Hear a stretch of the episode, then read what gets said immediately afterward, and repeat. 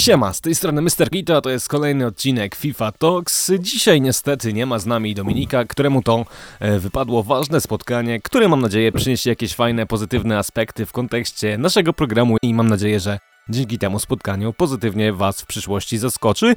W związku z tym wprowadziliśmy nasz e, plan w działanie, to znaczy jeden raz w miesiącu planowaliśmy zapraszać gości do naszego odcinka, więc y, okazja idealna, żeby to wykonać. W związku z tym dzisiaj w odcinku ze mną dwóch gości. Jednego znacie bardzo dobrze, jest on doskonale znany i lubiany w społeczności FIFA.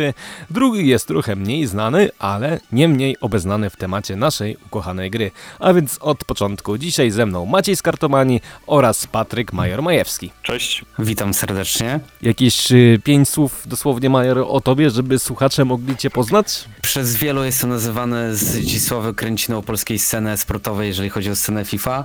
Prawdopodobnie wiem wszystko o wszystkich, tak naprawdę wiem dosyć niewiele, tylko dobrze udaję i dzisiaj właśnie dobrze udawać będę się starał w trakcie nagrania. No i ciekawe, warto chyba też nadmienić, że jesteś jednym z nielicznych reprezentantów polskiej grupy graczy, którzy osiągnęli Elite 1 Food Champions, przez co de facto się zweryfikowali, więc można powiedzieć, że jesteś w czołówce graczy w Polsce, no i też warto chyba wspomnieć ostatecznie, że także reprezentowałeś barwy Krakowi na ostatnim ostatnim Ekstraklasa Games.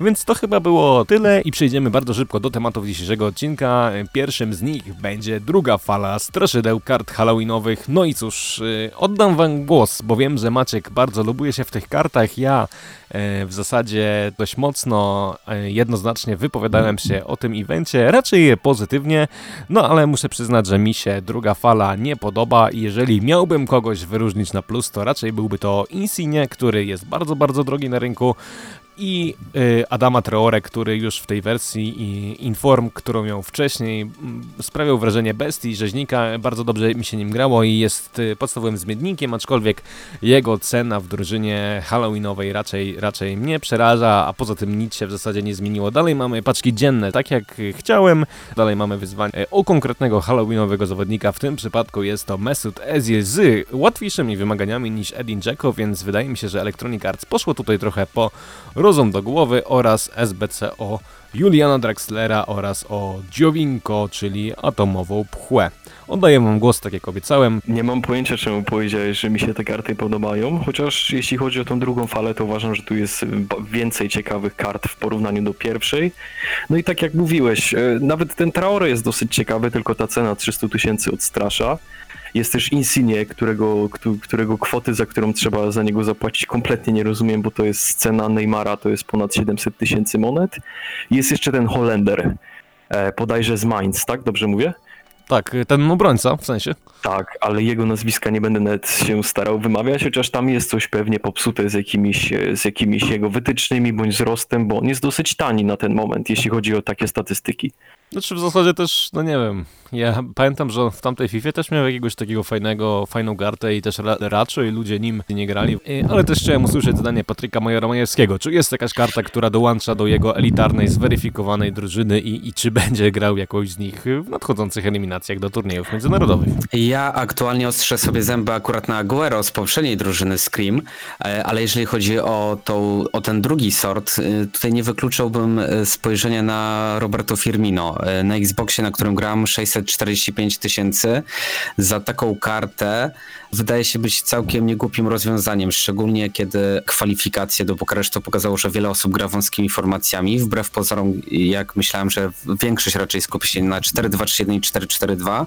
Firmino w wąskich formacjach jako jeden ze środkowych pomocników na pewno będzie się cieszył popularnością i wiem, że kilku playerów ostrzy sobie na niego zęby. On ma tam pewne mankamenty w swoich statystykach, ale jednak obok Insigne podałbym go jako najciekawszą kartę z tej drużyny. A ogólnie całościowo jakbyście mieli po po kilka zdań ocenić e, w tym roku event halloweenowy, bo moim zdaniem chyba w konsekwencji, w całości myślę, można ocenić go raczej na plus. Aczkolwiek wiadomo, ile zdań, tyle opinii, a jeden rabin powie tak, a drugi rabin powie nie. Moim zdaniem to jest na pewno 100 razy lepiej przemyślane i zrobione niż rok temu, bo nie ma jakichś zwydziwianych upgrade'ów poszczególnych statystyk w zależności od fazy księżyca. No to było głupie, tak? I jej nawet o tym zapominało w pewnym okresie. I to, co jest teraz, że te statystyki zostają na zawsze, to jest, to jest na pewno lepsze dla graczy, tak? Bo mamy pewność, i jak będzie wyglądała dana karta, a nie żyjemy w takim właśnie maraźmie, nie wiemy do końca, co się stanie, załóżmy za dwa miesiące, czy nasza karta nie straci na wartości. Tak, jeżeli chodzi akurat o mnie, to taką rzecz, którą zauważyłem, troszeczkę zawiodłem się na tych SBC dziennych. Myślałem, że one będą troszeczkę bardziej wymagające, z troszeczkę lepszymi nagrodami. Tutaj liczyłem na więcej.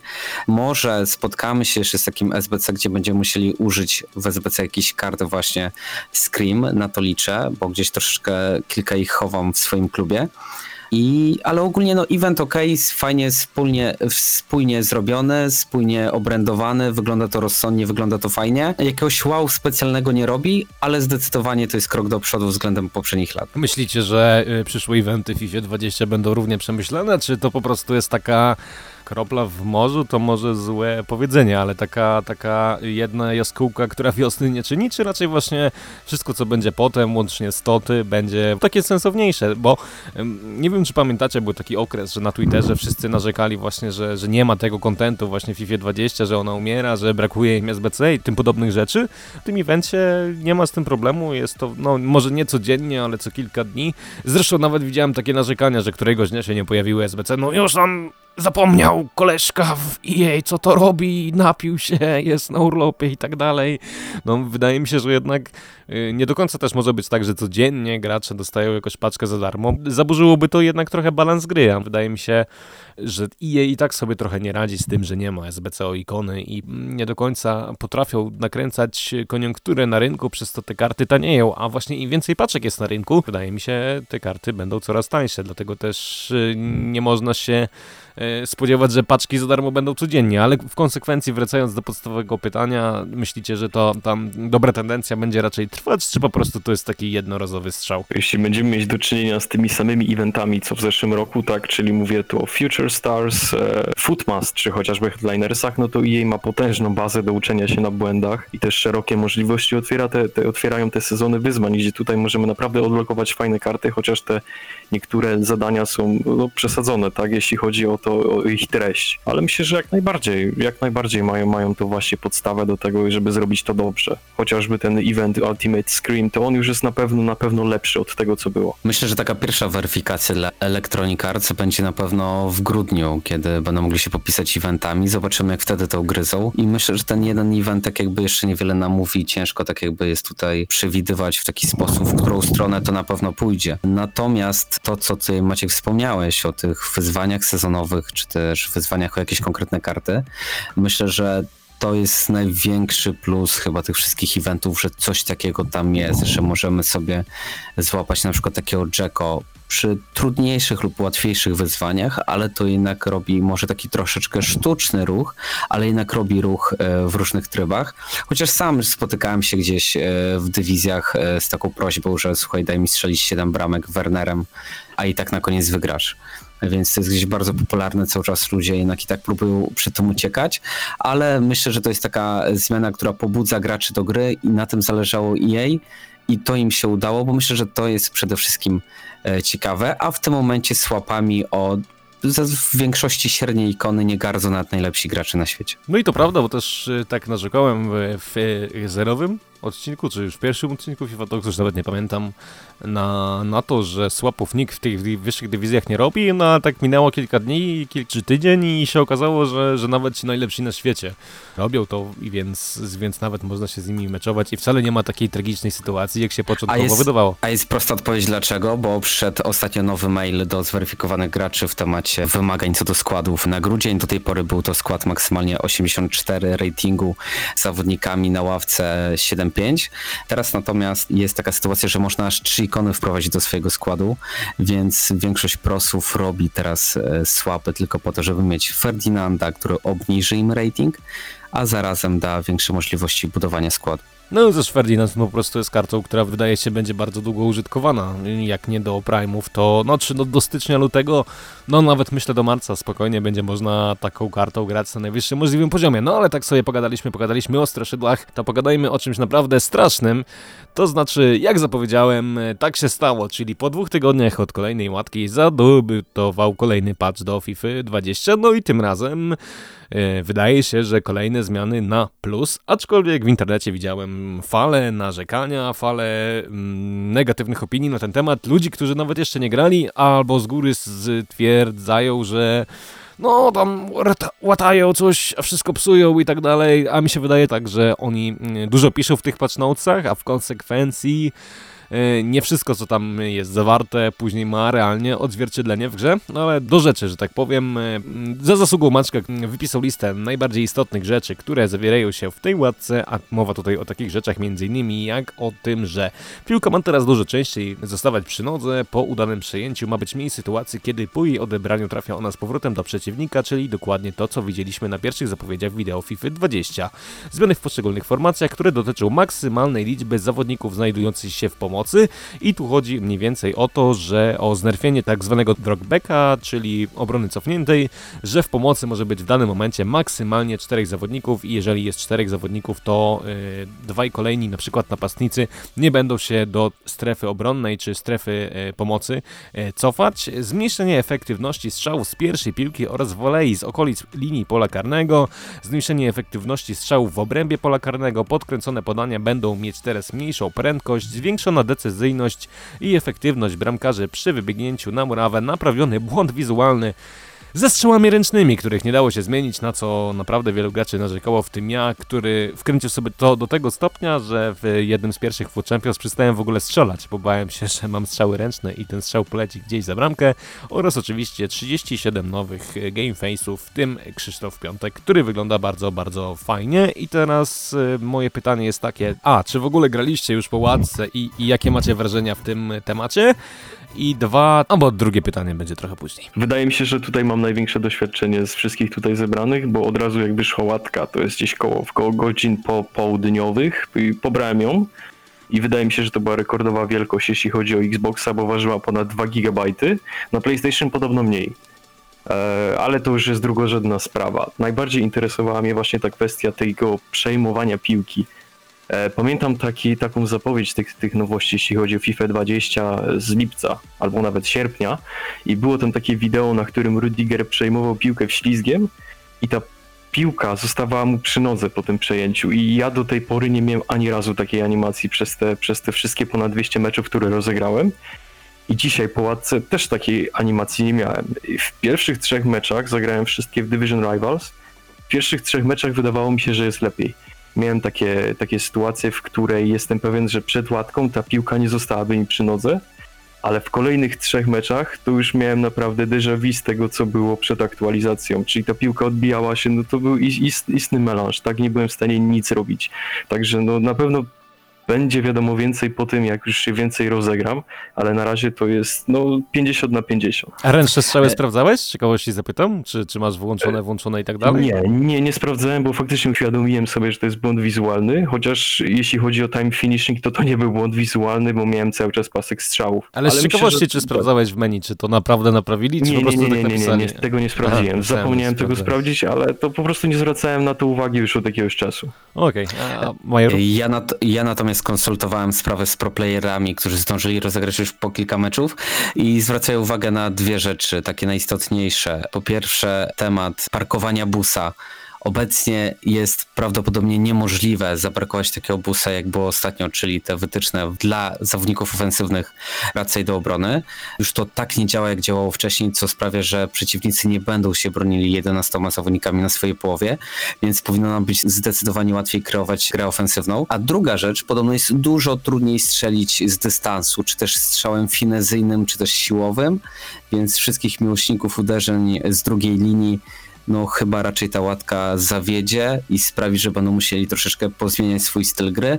Ja całe szczęście większość swoich uderzeń tak wykonywałem z obrębu pola karnego, więc e, dla mnie to niewiele zmieni, ale rzeczywiście słyszę, że strzały za pola karnego są wręcz niemożliwe aby sfinalizować się bramką. Było, było też coś takiego właśnie w, w tych notatkach, że zostały zmienione cechy wykończenie i strzał z daleka i ten był pokazany e, konkretny jakby metraż, w którym to ta statystyka ma znaczenie dla zawodników, którzy mieli strzelanie tam ocenione powyżej 90, a dał 99, czy jakoś tak. To było trochę tak skomplikowanie opisane ogólnie, e, te patchnote'y z łatki na łatkę wydają się mniej czytelne według mnie.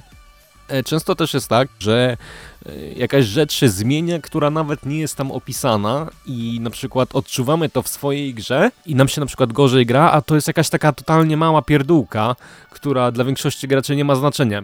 Ja na przykład miałem tak z poprzednią łatką, która e, według proplayerów praktycznie nic nie zmieniała, którzy twierdzili, że nic się nie zmieniło. Na mi się naprawdę grało dużo gorzej, przede wszystkim w obronie, która bardzo często mnie zawodziła.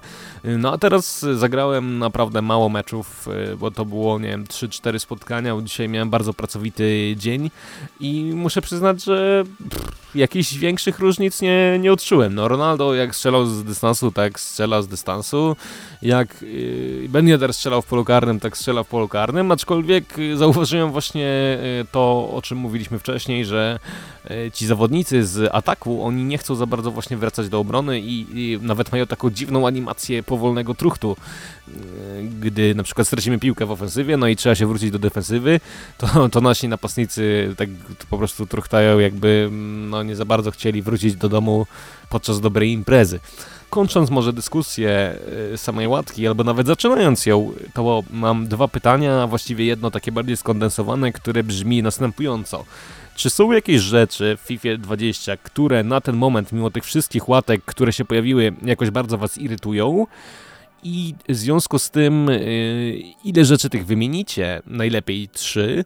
Y, po jakim czasie spodziewacie się następnej łatki? Czy to będzie znowu dwa tygodnie, czy jednak trochę dłużej? Bo wydaje mi się, że te jedne z najbardziej irytujących rzeczy zostały naprawione, ale y, duża część rzeczy, która dalej irytuje graczy, ciągle została niezmieniona. E, dobra, to ja mam taką ciekawostkę. Po rozegraniu tych sześciu meczów zauważyłem właśnie, że stosując te same wychylenia analogów przy wybijaniu piłki z piątki, zawsze po prostu zagrywam tak jakby diagonalnie do prawego bądź lewego obrońcy piłkę ją wybijając, tak, żeby później sobie łatwo rozegrać. Teraz, stosując te same, te same ułożenia analogu co przed łatką, nie jestem w stanie wybić do tych e, bocznych obrońców, bo ta piłka leci na wprost, e, leci gdzieś tam w, w obręb środka.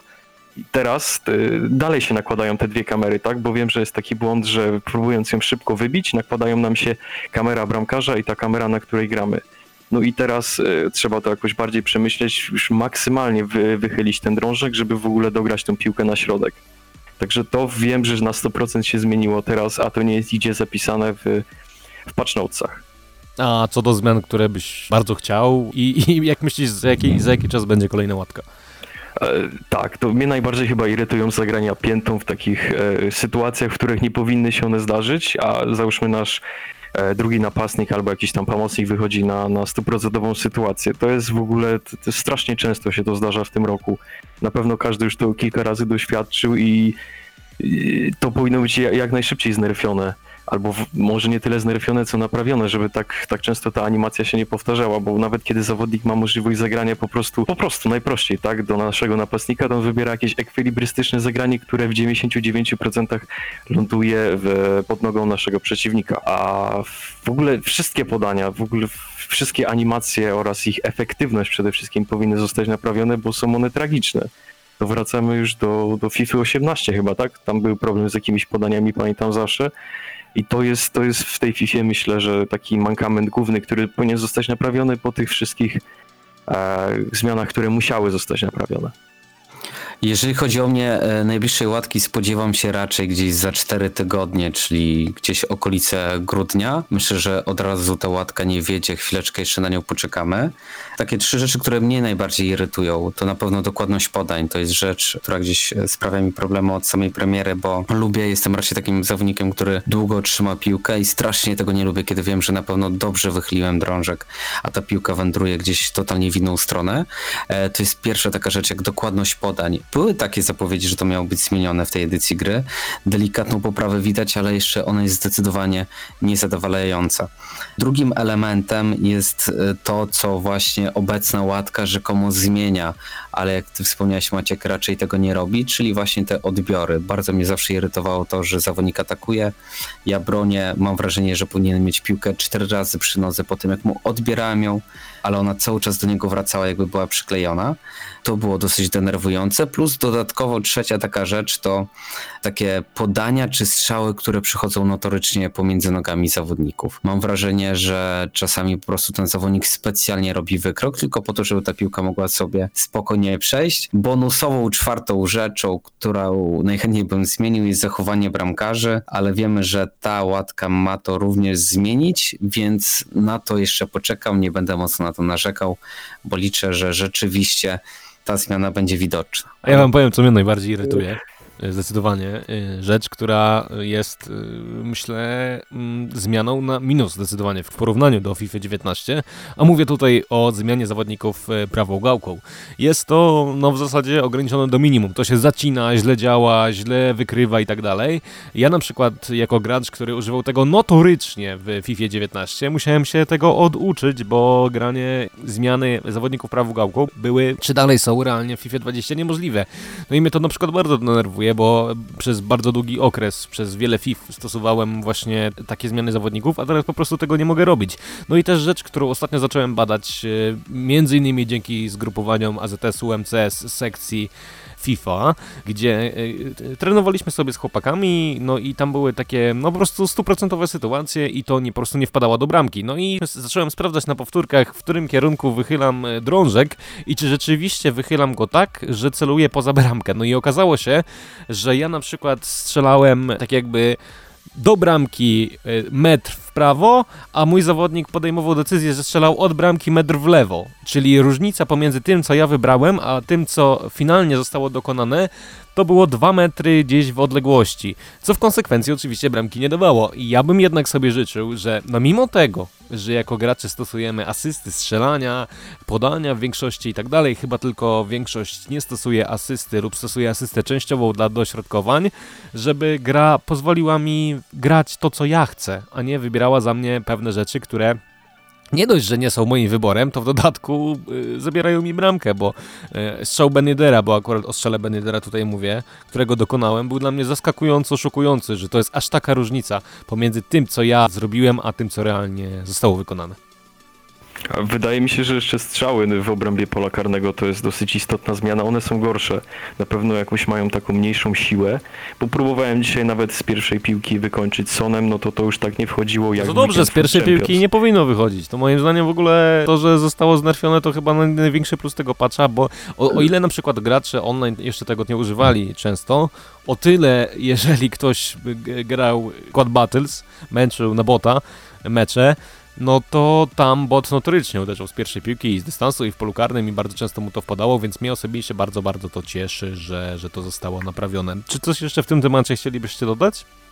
E, tak, ja mam jeszcze taką inną dygresję. Wiecie co to jest shielding? Taka animacja w obronie? No, że trzymasz L2 i on tak ma macha łapami, że nie da się niby piłki zabrać, tak? E, zostawia się, tak. Obrońca się po prostu zastawia przed przeciwnikiem, który, który jest z tyłu i wydaje mi się, że to też notorycznie nie działa w tej grze. Zawsze po prostu przeciwnik, który jest z tyłu, on zawsze się potrafi śliznąć przez tego obrońcę i tak już naprawdę wiele bramek straciłem. Widziałem kilka takich tematów na Reddicie i to jest myślę też główny aspekt do naprawienia, bo tutaj niezależnie czy jesteśmy w Virgilem van Dijkiem i za nami stoi Drzewinko. On się potrafi prześlizgnąć do tej piłki i nam ją przejąć. Dużo skuteczniejsze zestawianie jest wtedy, kiedy w ogóle odłożysz pada. Wtedy jest to, co było w poprzednich FIFach. E, rywal nie jest w stanie odebrać ci piłki. To jest to, co jest tak naprawdę bardzo frustrujące, bo spróbujcie komuś oddać bramkę stojąc u siebie na 16 metrze pod jakimś kątem średnio wygodnym dla, dla atakującego.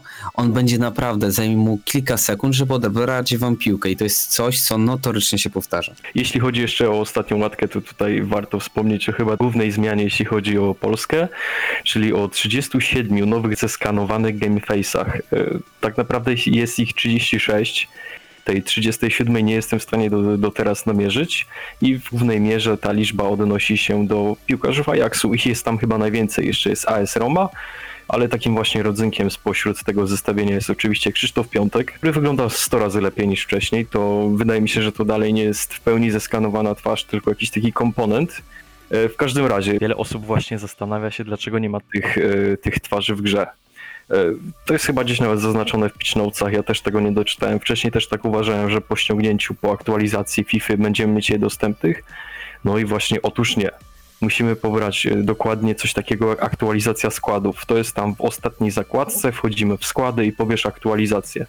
Nie mam pojęcia, czy to jest w tym momencie już dostępne na wszystkich platformach. Wydaje mi się, że EA to będzie dopiero wypuszczać, ale tu mogę się mylić. W każdym razie to jest odrębna strefa, jeśli chodzi o łatkę i aktualizację składów. To od razu się trącę właśnie, że, że to było napisane, że oni będą informacje na temat tych twarzy umieszczać na Twitterze czy coś takiego, bo oni wrzucają je na, na serwer, ale jeszcze nie do bazy danych, bo twarze są przypisane tak jakby poprzez ID do konkretnego zawodnika w składach, więc jeżeli nie ma aktualizacji składów, to de facto zawodnik nie ma twarzy. No dlatego też po prostu Ribery i tak dalej jeszcze w grze samych twarzy nie mieli, ale wszystkie te wycieki są związane z tym, że moderzy, zdolni moderzy z peceta potrafili sobie te twarze wyciągnąć i, i, i jakby wsadzić je bezpośrednio do gry. A nie jesteście zdziwieni, że ich jest tylko 37? Wydaje mi się, że powinno być ich znacznie więcej, bo mówimy tu chociażby o Beniaminkach Premier League, tak, Norwich, czyli z e, teamu Puki, Myślę, że on powinien też w pierwszej mierze dostać upgrade, jeśli chodzi o swoją facjatę.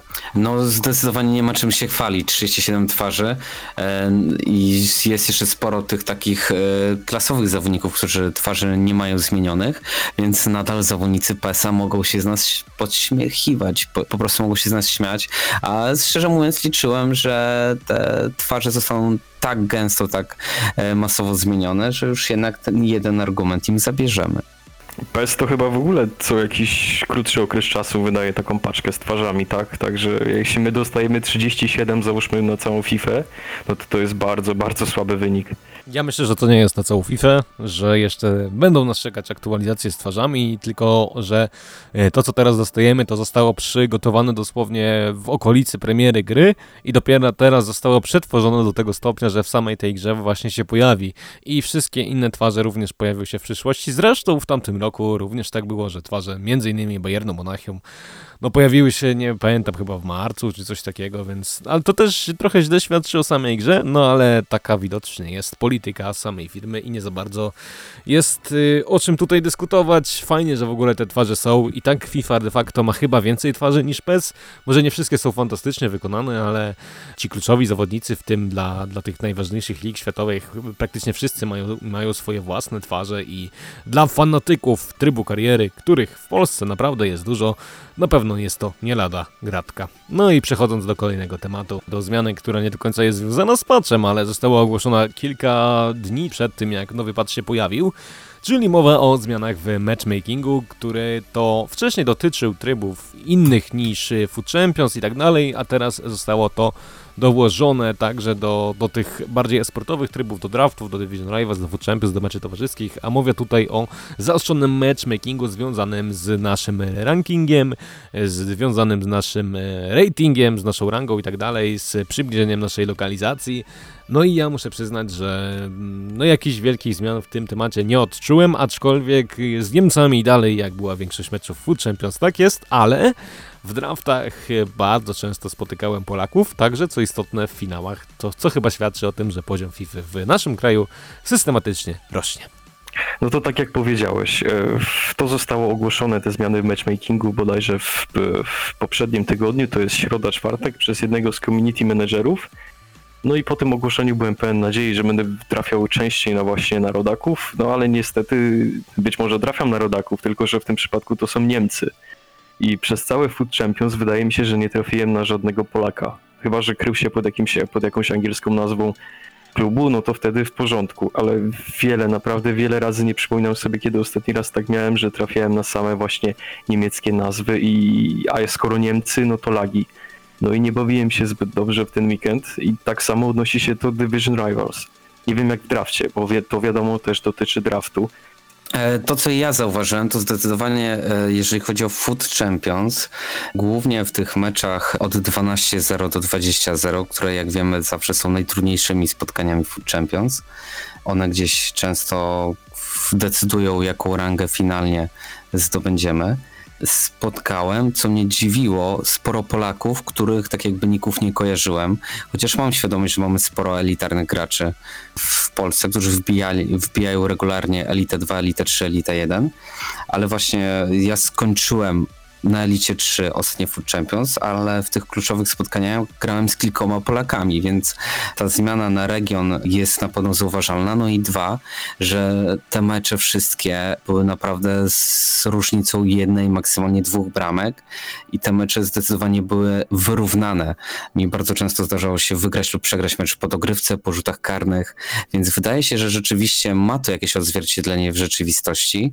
E, no ale jak słyszeliśmy, Maciek gra regularnie z Niemcami, co nie wiem, czy to świadczy o jego korzeniach, czy o kradzionym IP, ale y, zdecydowanie moim zdaniem ta zmiana jest zauważalna, ale musiałbym się temu dokładniej przyjrzeć i myślę, że na potrzeby kolejnych może odcinków y, można przeprowadzić taką statystykę na zasadzie z iloma rodakami. Spotkaliśmy się w tym Food Champions i to chyba jak będziemy mieli na papierze takie dane pozwoli nam lepiej się do tego odnieść, ale tak jak mówię na pierwszy rzut oka wygląda to tak, że ta zmiana rzeczywiście działa. Ja co się odniosę, bo ja się nie zgodzę, kompletnie się nie zgodzę z tym, że skoro Niemcy to lagi, tylko bym powiedział, że skoro Niemcy to jednak jakaś tam porcja delayu, aczkolwiek nie do końca się zgodzę w, w kontekście ostatniego Food Champions, bo wcale, jeżeli chodzi o gameplay, nie było tak źle, ale też do słów Majora się chciałem odnieść jednym zdaniem i, i zgodzę się totalnie z tym, że te mecze były bardziej wyrównane. Ja na przykład 7 meczów, aż 7 meczów wygrałem w garnych, co, co chyba 7 meczów przez 3 tygodnie wcześniej nie, nie rozgrywałem. Co też mnie trochę zdziwiło, no ale naprawdę, naprawdę to było trudne, co też e, odzwierciedliło realnie mój finalny wynik Food Champions, który nie do końca mi się spodobał i nie wiem, czy chcę go upubliczniać, no ale na pewno będę miał te trzy informy, ale niestety nie, nie więcej. No ale myślę, że na tym możemy też zakończyć temat matchmakingu. Bardziej, bardziej będzie można się temu przyjrzeć po tym, co, co właśnie powiedział tutaj Majer, że przeprowadzimy chyba taką statystykę i w kontekście przyszłego odcinka przedstawimy ją, ile Polaków, y, na ile meczy udało nam się ustrzelić, y, a konkretnie ile nacji. Na Xboxie jest trochę łatwiej to sprawdzić, na, na PlayStation trzeba to sprawdzić raczej po języku którym to gracze się posługują, ale myślę, że mimo wszystko sobie z tym jakoś poradzimy. No i przechodząc do tak jednego, jednego tematu jeszcze na szybko, e, powracają ligowe SBC. Wcześniej otrzymaliśmy ligę niemiecką, Bundesligę, dzisiaj otrzymaliśmy ligę chińską.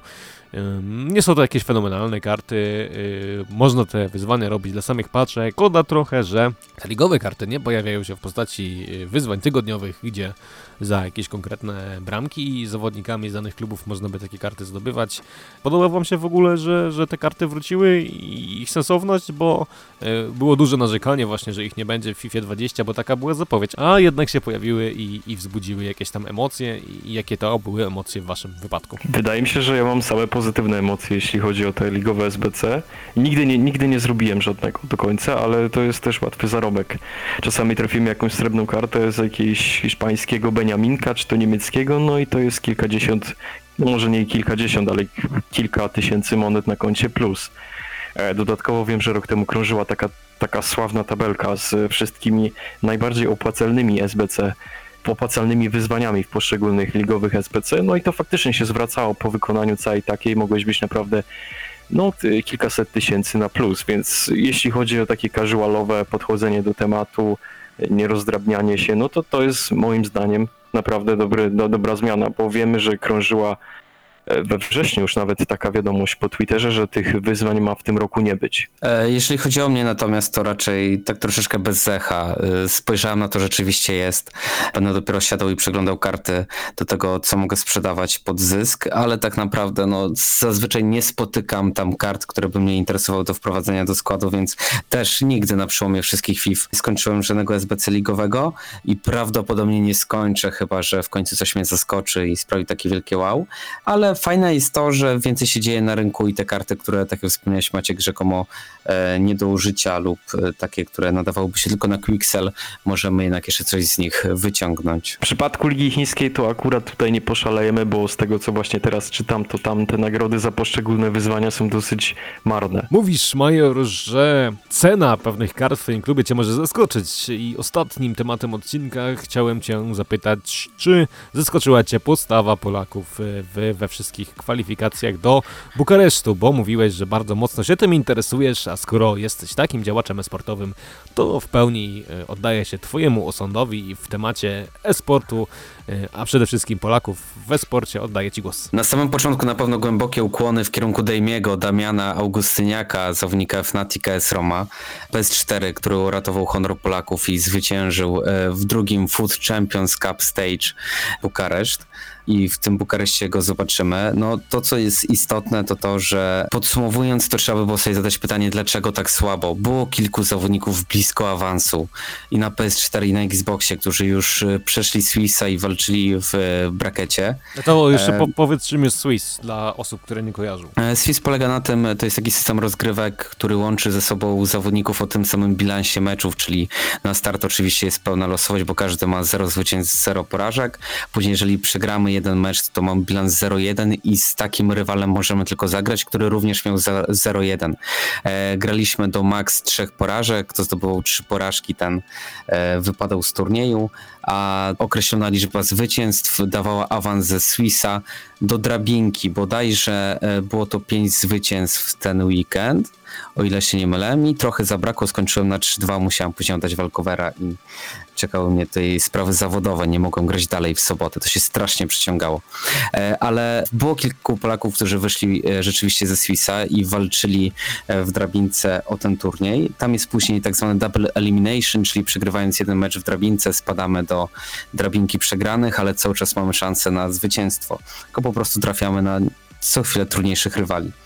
Sytuacja jest taka, że Demi po raz kolejny pokazuje, że jest na ten moment jedynym Polakiem, który daje pewność rywalizacji na arenie międzynarodowej. Są też zawodnicy, którzy gdzieś e, są półkę niżej, jak Nikodem Pikopawlak, Miłosz Bogdanowski. Nie zapominajmy o Tomku 601, który zrobił w Swissie bilans 7-0, bo tam od pięciu zwycięstw w górę gra się o rozstawienie. I on na te mecze o rozstawienie w drabince powygrywał. Dopiero w, w, okazało się, że już w samej drabince przegrał dwa pierwsze spotkania i tak wypadł z turnieju. Czy na przykład na Xboxie świetna postawa e, Gracjana El Polako Gołębieskiego. E, więc jest lepiej niż rok temu, ale cały czas nie możemy powiedzieć, że e, doskakujemy do tej sceny zachodniej. I to, co mówią nasi proplayerzy, to taka jedna podstawowa rzecz, że pamiętajcie, cokolwiek by się nie działo, przegramy z Niemcami. Mam nadzieję, że to się zmieni, tak jak zmieniło się w reprezentacji Polski e, piłki nożnej. Na to liczymy, że w końcu zobaczymy, jak to Polacy e, wygrywają z Niemcami w tych międzynarodowych turniejach. Jak myślisz, jaka jest przyczyna e, realnie, że, że jednak w Polsce fajnie idzie naszym graczom, dobrze sobie radzą, a przychodzi weryfikacja z graczami międzynarodowymi i nie do końca nie do końca jest tak jak podczas tych meczów w domu, jak takich luźnych spotkań, czy nawet naszych polskich turniejów, bo na przykład no Miłosz jest dominatorem, tak, jeżeli chodzi o rozgrywki rozgrywane w naszym kraju, a jednak w tych takich turniejach międzynarodowych gdzieś nie do końca sobie radzi. I czy masz jakąś receptę, masz jakiś pomysł na to, znasz jakąś przyczynę? Co o tym sądzisz, że jednak jest jak e, jest? Że jest tylko odejmij kolejny rok z rzędu, no realnie oczywiście. Rzeczywiście na start zawsze e, Niemcy e, mają mocniejsze składy od nas. Oni gdzieś tak jakby mam wrażenie, że nie mają limitów budżetowych na te składy że, że ich ilość końców to taki worek bez dna. Warto zaznaczyć, że e, Damie, który grał w tych eliminacjach, e, gra z Londynu, czyli też na zachodzie.